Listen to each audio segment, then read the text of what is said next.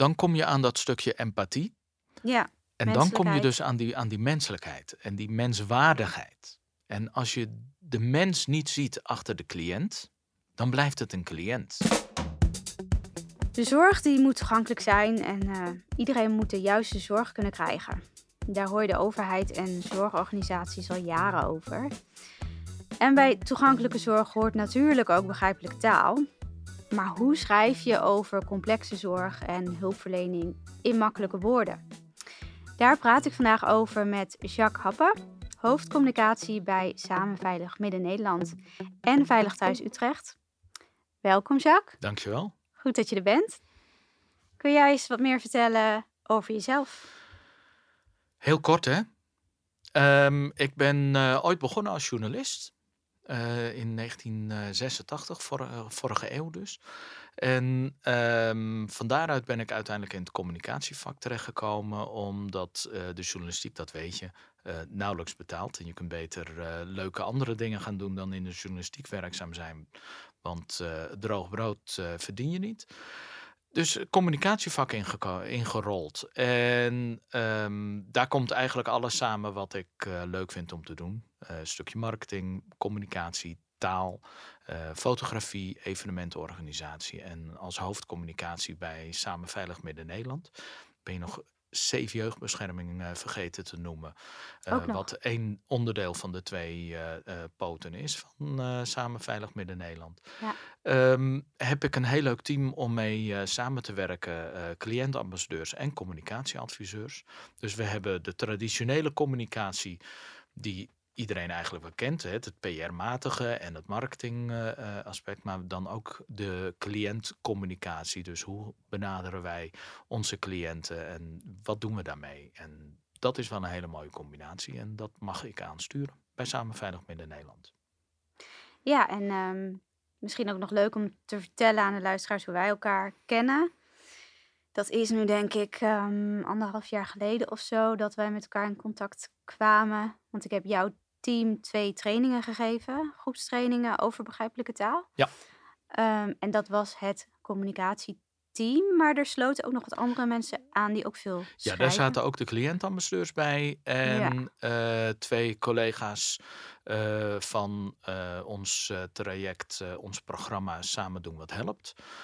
Dat is een veranderprogramma waar we mee bezig zijn om ook weer vanuit de gedachte dat we het samen doen met onze cliënten betere zorg kunnen gaan verlenen. En dat betekent ook dat je dus beter moet gaan schrijven en betere taalvaardigheid moet kennen. Ja, Dus ja. het komt eigenlijk altijd weer terug op, op taal. Ja, en eh, dat hebben jullie goed aangepakt. Ik, eh, denk dat, ik denk dat jullie veel van die trainingen hebben geleerd en er daarna ook echt eh, goed mee aan de slag zijn gegaan. Ehm, en nu ben ik ook aan het werk met een van jouw medewerkers in mijn ehm, coachingprogramma. Dus die begeleid ik één op één. En zij wordt dan ambassadeur voor begrijpelijke taal binnen jullie Ja. organisatie. En Ja. doet ze supergoed. Ehm ja, hoe heb jij het ervaren dat nou ja, jullie toen die, die, eigenlijk die aftrap hebben gehad voor begrijpelijke taal?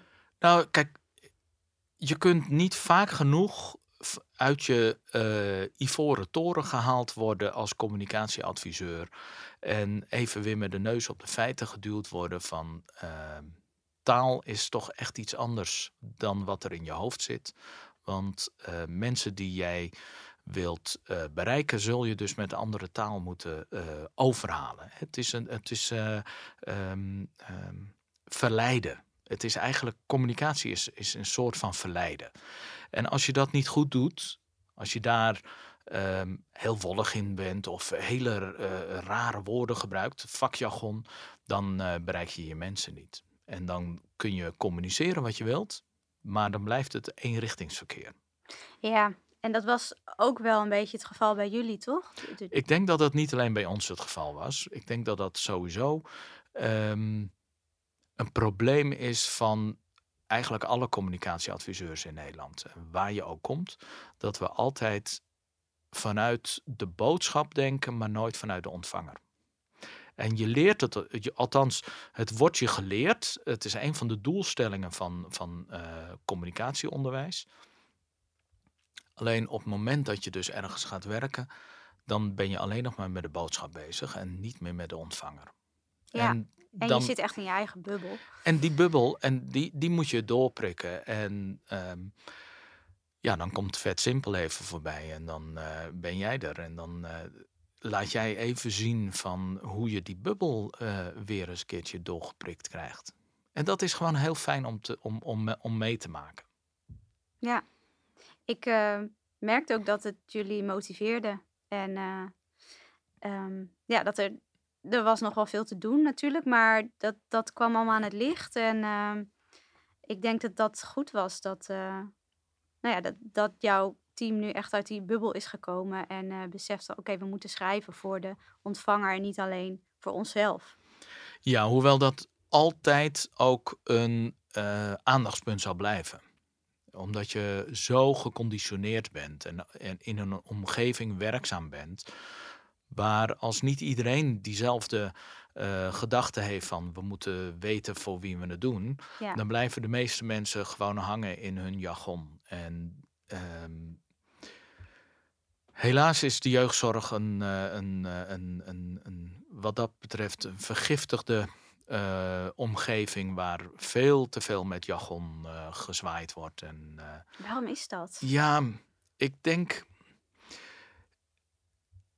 Ja, ik, mijn, mijn theorie is dat elk vakgebied heel graag serieus genomen wil worden. En dat ze dan dus met jargon op de proppen komen om dan te kunnen laten zien van kijk ons eens eventjes intelligent doen. Maar daar zijn uh, cliënten of patiënten, als we de, de zorg wat breder trekken, helemaal niet bij gebaat. Die willen gewoon dat je zegt waar het op staat. Eerlijk, duidelijk. Um, en dat merk je dat dat er vaak niet in zit. Maar denk je niet dat dat. Ik geloof wel dat het deels zo is dat, dat mensen graag willen laten zien uh, dat ze verstand van zaken hebben. Maar is het niet deels ook onbewust. Dus dat ze zo schrijven omdat ze het nou eenmaal zo gewend zijn? Nou ja, die gewenning in, in taal is natuurlijk de doodsteek voor, voor je communicatie, voor je, voor je begrijpelijke communicatie. Als je, kijk, voor mij, uh, als, als, je, als je mij vraagt uh, wat mijn visie op communicatie is, dan is dat een dialoog. Dan is dat niet een eenzijdig iets van um, um, ik heb een boodschap en die moet van A naar B, maar dan is dat dat ook de ander terug kan praten. Je moet in dialoog zijn met elkaar. Zeker als je het hebt over zoiets ingrijpends als kinderen. Als wij, uh, of dat nou vanuit Veilig Thuis is of vanuit uh, de jeugdbescherming, bij jou aan tafel komen zitten, dan is er iets aan de hand. En meestal gaat het over kinderen. En dan wil je niet dat wij met allemaal moeilijke woorden en vakjargon uh, komen om jou te vertellen dat er uh, uh, iets niet goed gaat in een gezin. En als je dat wel doet met, met onbegrijpelijke taal, dan bereik je elkaar niet en dan ontstaat er uiteindelijk een, een disbalans en een, en een, en onbegrip en, en ja, Eigenlijk het tegenovergestelde het, van wat tegenovergestelde van wat je eigenlijk zou willen. Ja. En dat is zo gevaarlijk. En daarom pleit ik er zo voor om gewoon, gewoon, gewoon, gewoon taal gewoon te gebruiken. En niet in allemaal jargon en allemaal moeilijke woorden. Normale mensentaal.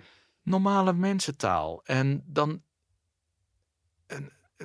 wellicht heb je het ook al eens een keer in een andere podcast erover gehad. Niet Jip en Janneke. Want dat is, dat is een vrij denigrerende uh, uh, um, benaming van, van de problematiek waar het om gaat. Maar even voor de luisteraars. Hè?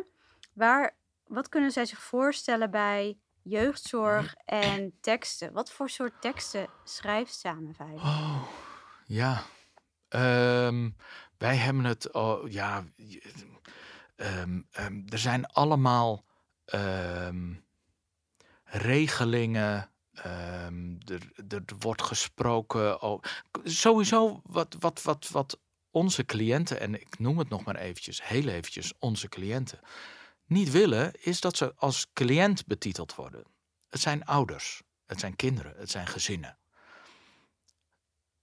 Dus benoem het ook gewoon als ouders, gezinnen en kinderen of jeugdigen. In plaats van cliënt. In plaats van cliënt.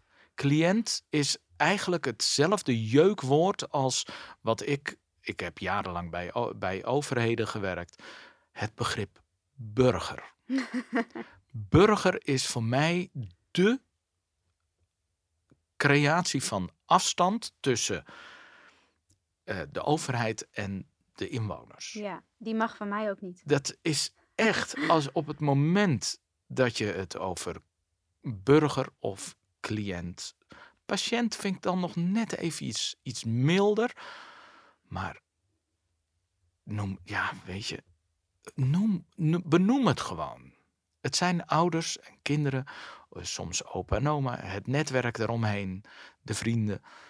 Benoem het gewoon. Maar die mensen, die, die krijgen dus brieven, bijvoorbeeld over dat hun kind een onder toezichtstelling heeft gekregen. Ja, een en dan wordt het ook nog vaak afgekort. Dan heet het een OTS of een UHP, een, Oh, uithuis, God. een uithuisplaatsing. Ja, Ehm, en dan ehm, heb je dus de Raad voor de Kinderbescherming, wat dan vaak afgekort wordt als RVK. Weet je, het is. We maken het, eh, we maken het onze. eh, de mensen waar het om gaat niet makkelijker op. en het is al zo'n moeilijke kwestie altijd. Het is al zo Het moeilijk. gaat altijd om ingewikkelde dingen bij jullie. Het, tuurlijk gaat het om ingewikkeld. niet leuk zijn. Nee, want het gaat over de meest eh, elementaire inbreuk op je privacy. Namelijk, het gaat om je kind of je kinderen. En ehm, ja, en, da- en daar, we draaien zo om de, om de brei heen. Eh, we dansen om de brei heen. Nee, we dansen om eh, iets anders heen. Nou ja, weet je, het is. We maken het onszelf zo moeilijk. En daarmee maken we het dus de mensen waar wij het voor doen zo moeilijk. En dat hoeft helemaal niet. Nee, want ik kan me voorstellen dat het allemaal voor iedereen makkelijker gaat als de communicatie onderling begrijpelijk is. Ja. Dan is het voor de cliënten, de ouders en de kinderen, is het eh, prettiger. Ja. Ja, het, is allemaal, het is allemaal niet prettig natuurlijk, maar dan kun je in ieder geval nog wat redden wat er te Nee, redden valt. Maar dan, dan kom je aan dat stukje empathie. Ja, En dan kom je dus aan die, aan die menselijkheid en die menswaardigheid. En als je de mens niet ziet achter de cliënt, dan blijft het een cliënt. En dan blijft het iets abstracts. En je- wat je wilt, is dat het wat dichter bij elkaar komt. En er zijn gelukkig genoeg collega's die dat menselijke heel erg in zich hebben. En die daar ook heel erg goed mee bezig zijn. Maar er zijn ook collega's ehm, die dat gewoon wat minder van nature hebben. En die nog niet misschien die ervaring hebben dat je het ook op een andere manier kunt doen. maar het zal ook wel lastiger zijn, denk ik, voor mensen die op kantoor teksten schrijven, dus communicatiemensen, om misschien empathisch en, en begrijpelijk te schrijven, omdat zij de cliënten minder vaak zien. Kan dat? Nee, maar daar hebben wij dus onze cliëntambassadeurs voor. Dus als wij, als wij een tekst maken, ehm, en dan kunnen wij dat aan onze cliëntambassadeurs. En we hebben één ervaringsdeskundige in ons eh, eh, team van cliëntambassadeurs zitten. eh, die dus zelf de jeugdbescherming en jeugdzorg van zeer nabij heeft meegemaakt. En die kan veel meer spiegelen op datgene wat wij doen. Die kan veel meer zeggen van oké, dit zou ik toch even anders eh, eh, verwoorden, want dit is wel heel of confronterend of aanmatigend of kwetsend. Ehm, en dat is zo belangrijk. Daarom, daarom vind ik het zo belangrijk dat wij die cliëntambassadeurs in ons team hebben zitten. Omdat dat namelijk de communicatie veel directer en veel meer eh, dicht bij de ouders en de kinderen plaatst. Ja, dus die zijn echt al onmisbaar voor Onmisbaar. een goede Onmisbaar voor, voor, ehm, ja, voor je, eh, voor- onmisbaar voor de verstandhouding, maar ook onmisbaar voor je communicatie. Want zij, zij spiegelen ons wat wij doen. Wat zijn cliëntambassadeurs? Wat is het verschil met ervaringsdeskundigen? Ehm, wij hebben twee, erva- we hebben twee cliëntambassadeurs die afkomstig zijn uit het werkveld. Dus eentje eh, bij Veilig Thuis vandaan, eentje bij eh SAFE, jeugdbescherming vandaan. Dat zijn, ehm, zij hebben dus het werk meegemaakt vanuit de hulpvraag. En de andere is de ervaringsdeskundige. En zij heeft de hulpvraag meegemaakt vanuit haar eh, eigen omgeving. Mhm, Dat ze zelf in de jeugdzorg is, Ja. heeft gezeten, ja. Oké. En ehm, ja, het gaat dus om jeugdzorg en veilig thuis gaat om allerlei. Ja, ve- veilig thuis is, eh, dat zeggen we altijd van 0 tot 100. Ja, Ehm, omdat dat ook over ouderenmishandeling gaat. ehm, hè, financiële uitbuiting van ouderen. Ehm, en dat gaat over mensenhandel. eh, dat gaat over seksuele uitbuiting. Dat gaat over eerwraak. Dus dat, dat heeft veel meer... eh, ja, een veel bredere scope. Oh, de scope mag ik dan natuurlijk ook niet dat zeggen. mag veel mij bre- niet. nee. veel breder, ehm, eh, een veel bredere kijk op wat er allemaal aan veiligheid ehm, mis kan gaan binnen gezinnen en, en families. En huishoudens. Ja, en dus ook een heleboel ellende. Heel veel ellende. Hoe zorg je ervoor dat je soms misschien een beetje streng moet zijn of duidelijk moet zijn, omdat er iets door een rechter is beslist, maar dat je toch empathisch bent? Ja, dan kom je, dan kom je echt aan, aan, aan het contact tussen eh, de medewerkers en, eh, en, en ouders en kinderen. Ehm, dat is dus niet de communicatie die wij doen. Wij doen echt de communicatie, het maken van folders, eh, flyers, ehm, eh, websites. Ehm, dus dat is, dat is, daar, daar, daar zit voor ons echt een, een verschil. Ehm, wat we wel proberen is eh, kijken, meekijken in rapportages die er gemaakt worden. Van wat staat erin? Wat wordt er in eh, omschreven in een rapportage? Hoe benader je ehm, ehm, de problematiek en wat voor oplossing schrijf je?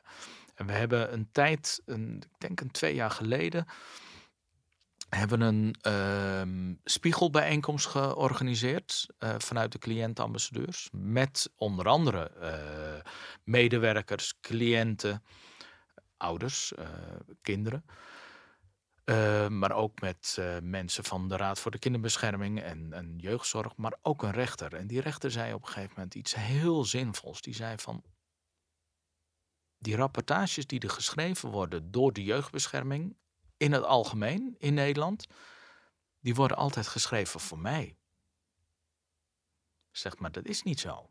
Ze worden niet voor mij geschreven als rechter. Ze worden geschreven voor de ouders en de kinderen. Want in een rapportage staat samengevat eh, wat voor hulp mensen krijgen. Ja, daar staat het probleem omschreven. Dan wordt er, eh, daar wordt beschreven wat er nodig is. Daar wordt beschreven welke stappen er gezet zijn. eh, welke hulp wordt eh, eh, aangegeven. Nou, dat staat allemaal in een rapport.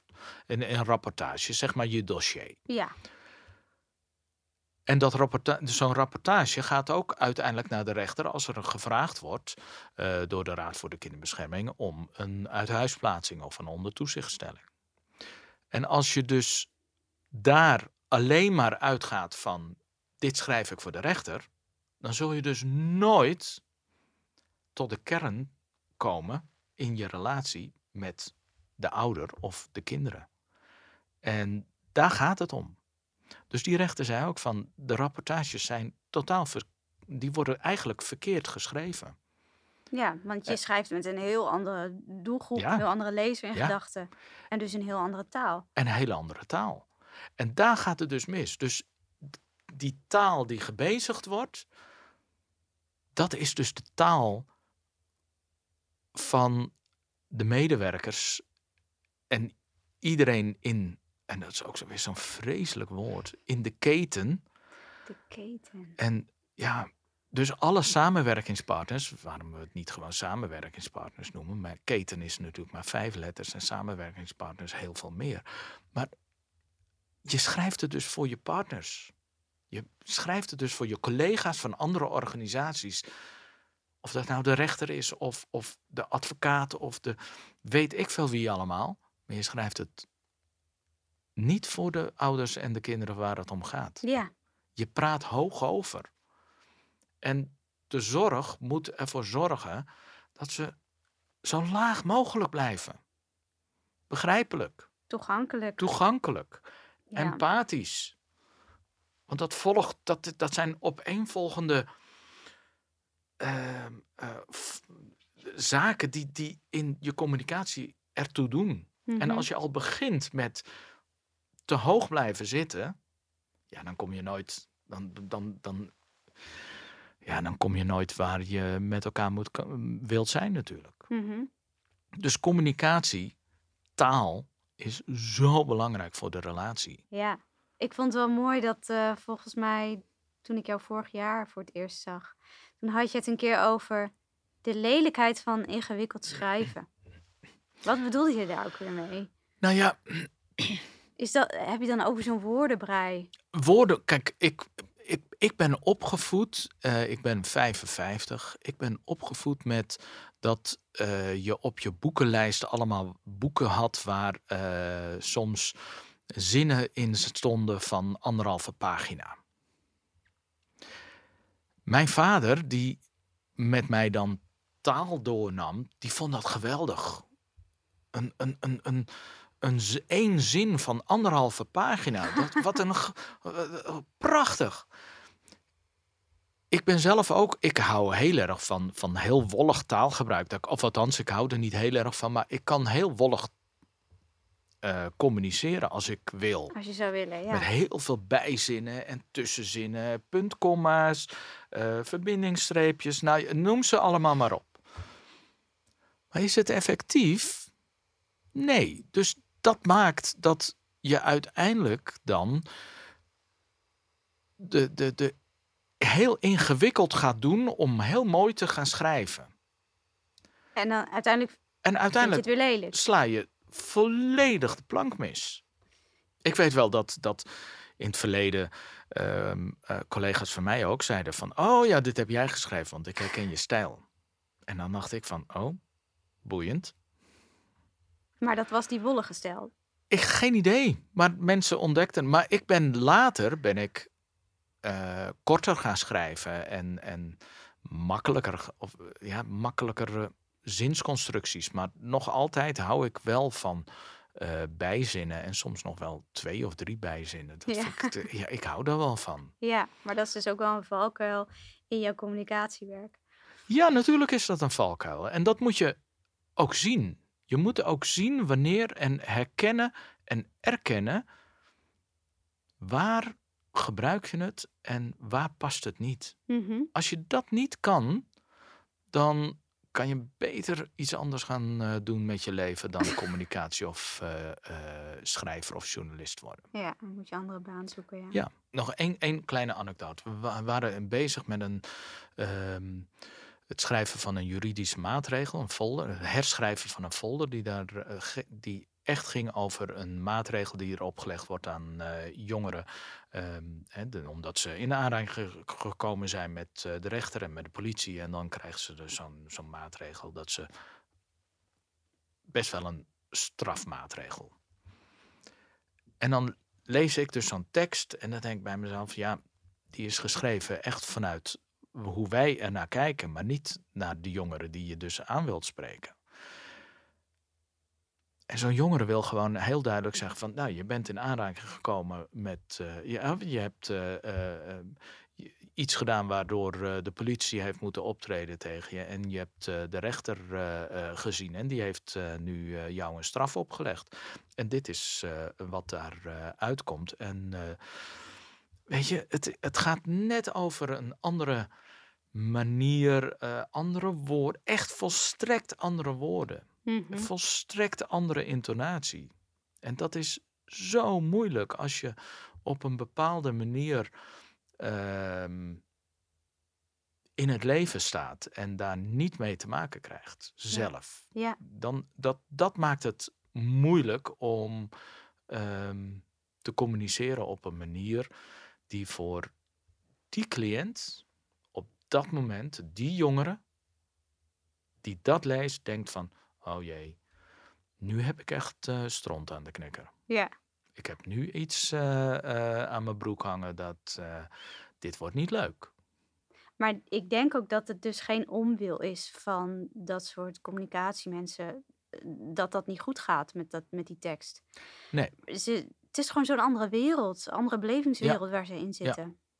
Dus En- er hoort een andere taal bij. Dus het Ja. is ook echt lastig Ja, om je aan te maar passen. dan kom je dus nooit, bereik je nooit die ziel van die jongeren die daarmee om moet gaan.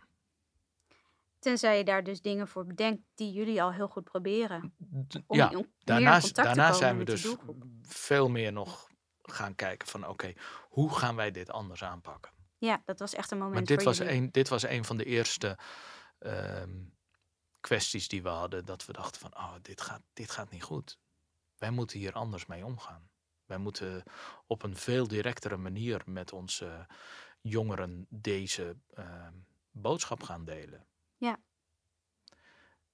En dan gaat het evengoed nog heel veel pingpongend eh, door de organisatie eh, langs allerlei eh jeugdreclasseerders. van ja, maar dit kan niet en dat kan niet. Ja, maar lees jij het nou omdat jij denkt, dit is juridisch niet wat wij beogen? Of is dit omdat je niet snapt dat die jongere aan de andere kant die deze folder gaat lezen, het uiteindelijk eh, ook moet gaan begrijpen? Ja. En dat laatste is volgens mij het belangrijkste. Ja. Het is een mooi moment voor de luisteraarsreactie. Ik heb een eh, poll op mijn LinkedIn gezet. Want ik was wel benieuwd. Eh, deze podcast zat er natuurlijk aan te komen. Ehm, ik heb even onder mij, aan mijn volgers gevraagd eh, wat zij belangrijk vinden aan eh, teksten over de zorg. En er waren drie opties. Dat het begrijpelijk is, zo'n tekst, zodat je precies weet welke zorg je krijgt. Die tweede was dat het betrouwbaar klinkt. Dus het geeft je een gevoel van betrouwbaarheid. En je voelt van, nou, dit- dat komt wel goed met de hulpverlening die ik ga krijgen. Of dat teksten eh, empathisch zijn of persoonlijk. En dat, eh, dat je het idee hebt van, nou, die organisatie die weet wel eh, wat er door mij heen gaat of zo. Of waarom dit erg is. En er zijn 85 stemmen geweest. En 80% antwoorden dat zij het het belangrijkst vinden dat een tekst in de zorg dat die begrijpelijk is. Ik vond het wel opvallend, eigenlijk. Eh, maar 7% heeft ervoor gekozen dat een persoonlijke toon het belangrijkste is in dat soort teksten. Ik dacht eigenlijk dat dat meer de voorkeur zou hebben voor mensen. Ja, dat snap, dat snap ik wel. Want een, ehm, een persoonlijke toon, het empathische, dat zorgt er ook voor dat je ehm, je vanuit een ziekenhuis meer op gelijkwaardigheid met, eh, met jou als patiënt begeeft. Maar dat maakt het nog niet begrijpelijker. Want als ik heel vriendelijk en aardig met jou ben, dan wil dat nog niet zeggen dat ik dan ook duidelijk en begrijpelijk heb uitgelegd wat er gaat gebeuren met jou als patiënt of als cliënt in een zorg- of hulpomgeving. ik heb zelf eh, ehm, wat eh, eh, medische dingetjes gehad. Dat ik een afspraakbrief kreeg van mijn ziekenhuis. En ik liep op dat moment in twee of drie verschillende trajecten. En ik wist met geen flauw idee te benoemen waar ik nou voor opgeroepen werd. En, het gaat over jou, En het jouw ging lichaam. over mij. En Dus- dan word ik keurig met meneer Happe aangesproken. Maar dan denk ik bij mezelf, ja, leg nou eerst eens uit waar het over gaat. En toen, was, toen belde ik het ziekenhuis op en de ad- administratie. En toen was het van, ja, zo doen we dat altijd. Ja, daar ga je al. En toen zei ik van, ja, maar zo werkt het niet.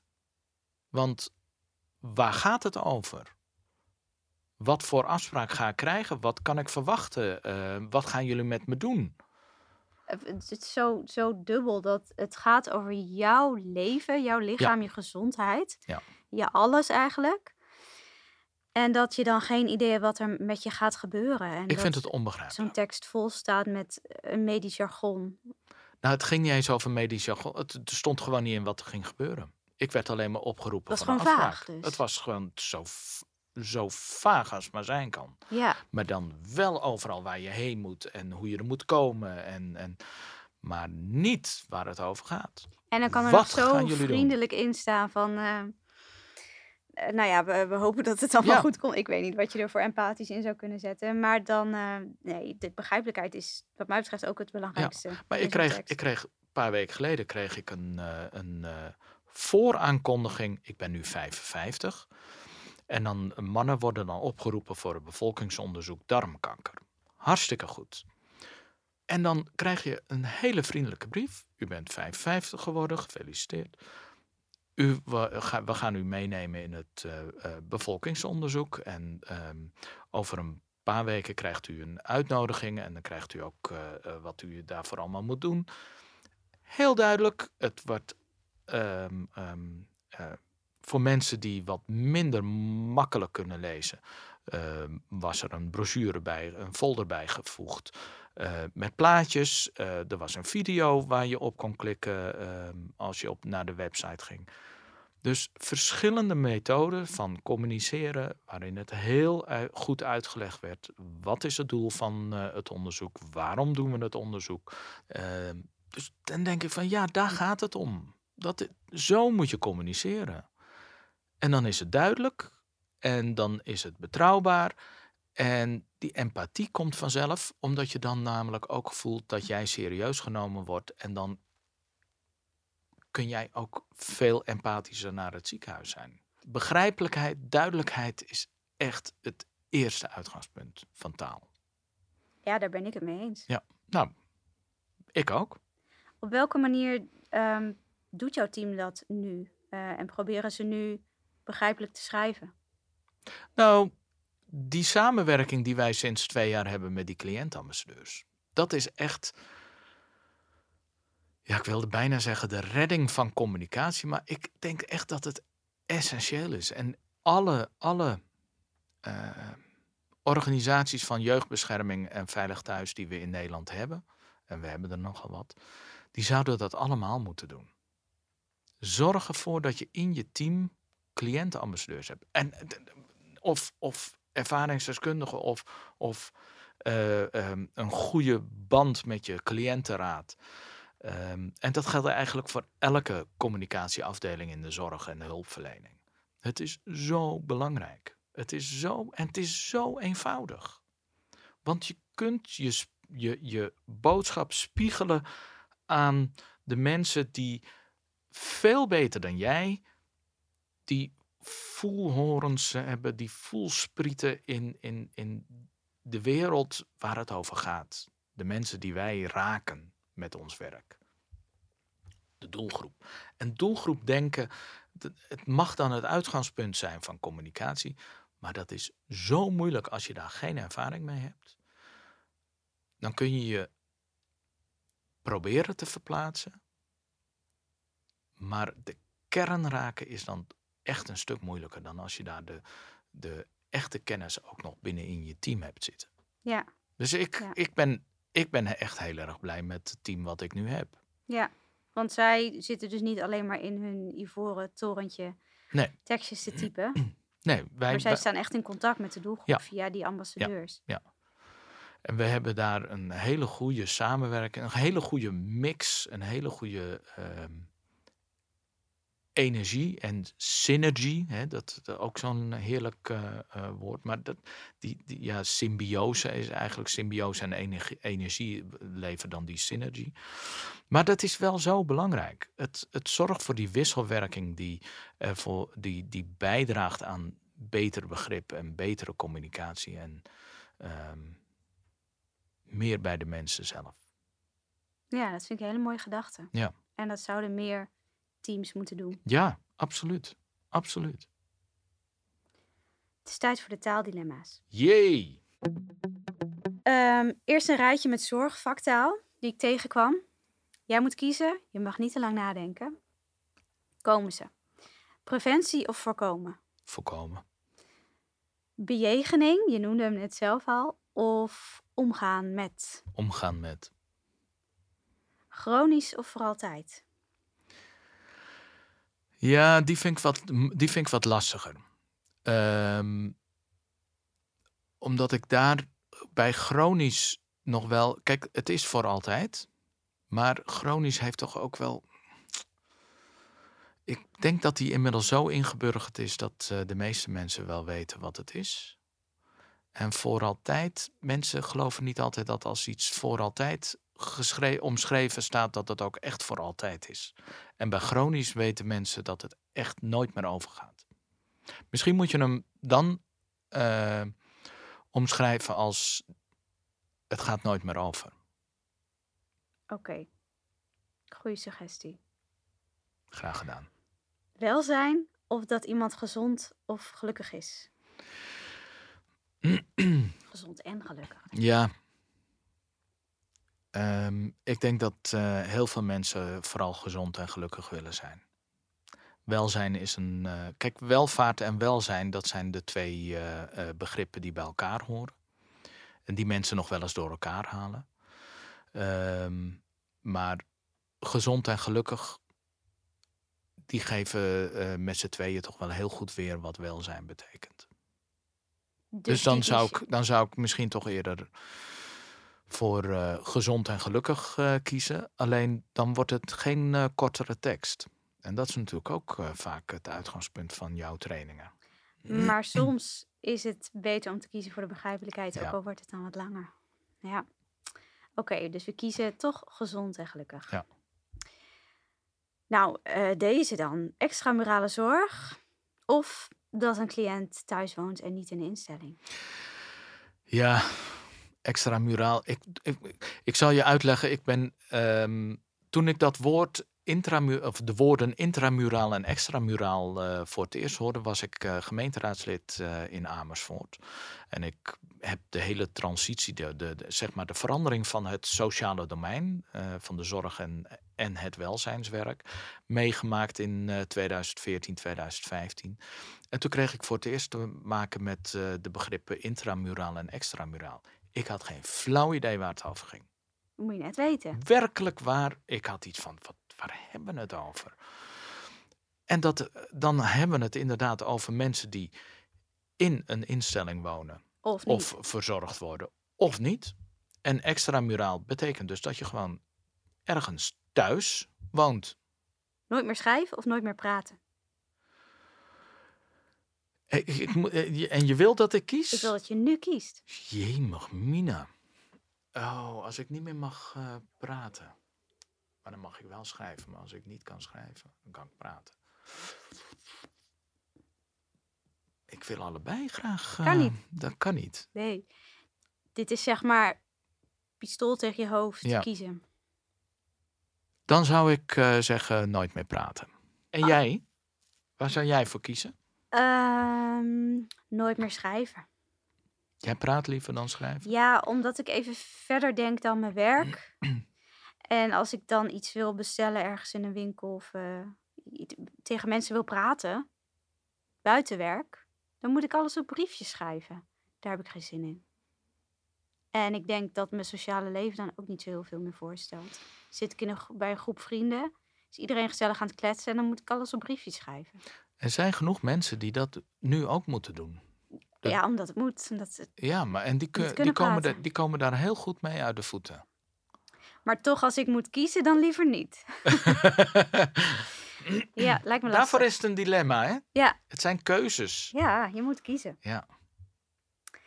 Alles wat je zegt moet rijmen. Of je mag alleen zinnen maken van vier woorden. Dan zou ik eh, zinnen maken van vier woorden. Want ik ben niet zo heel erg goed in rijmen. Oké. Ik kan wel rijmen hoor. Maar dan wordt het echt het niveau eh André Hazes en Sinterklaas eh, gedichtjes. Ja, dan word je helemaal niet meer serieus genomen. Nou ja, dan ga je er vanuit dat ik nu wel serieus genomen word. Dat, Ja. dat weten we natuurlijk ook niet. Nee, dat is waar. Oké, de laatste. Je spreekt alle talen, maar je mag alleen praten op woensdagen. Of je mag wel op alle dagen praten, maar dan alleen in het Koerdisch.